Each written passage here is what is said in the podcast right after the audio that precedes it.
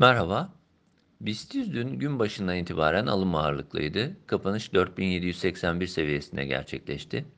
Endekste 4450-4380 bandından başlayan tepki hareketi sonrasında dün de 4600 seviyesi üzerine geri dönüş yaşanmasıyla kısa periyottaki iyimserlik daha belirgin durumda.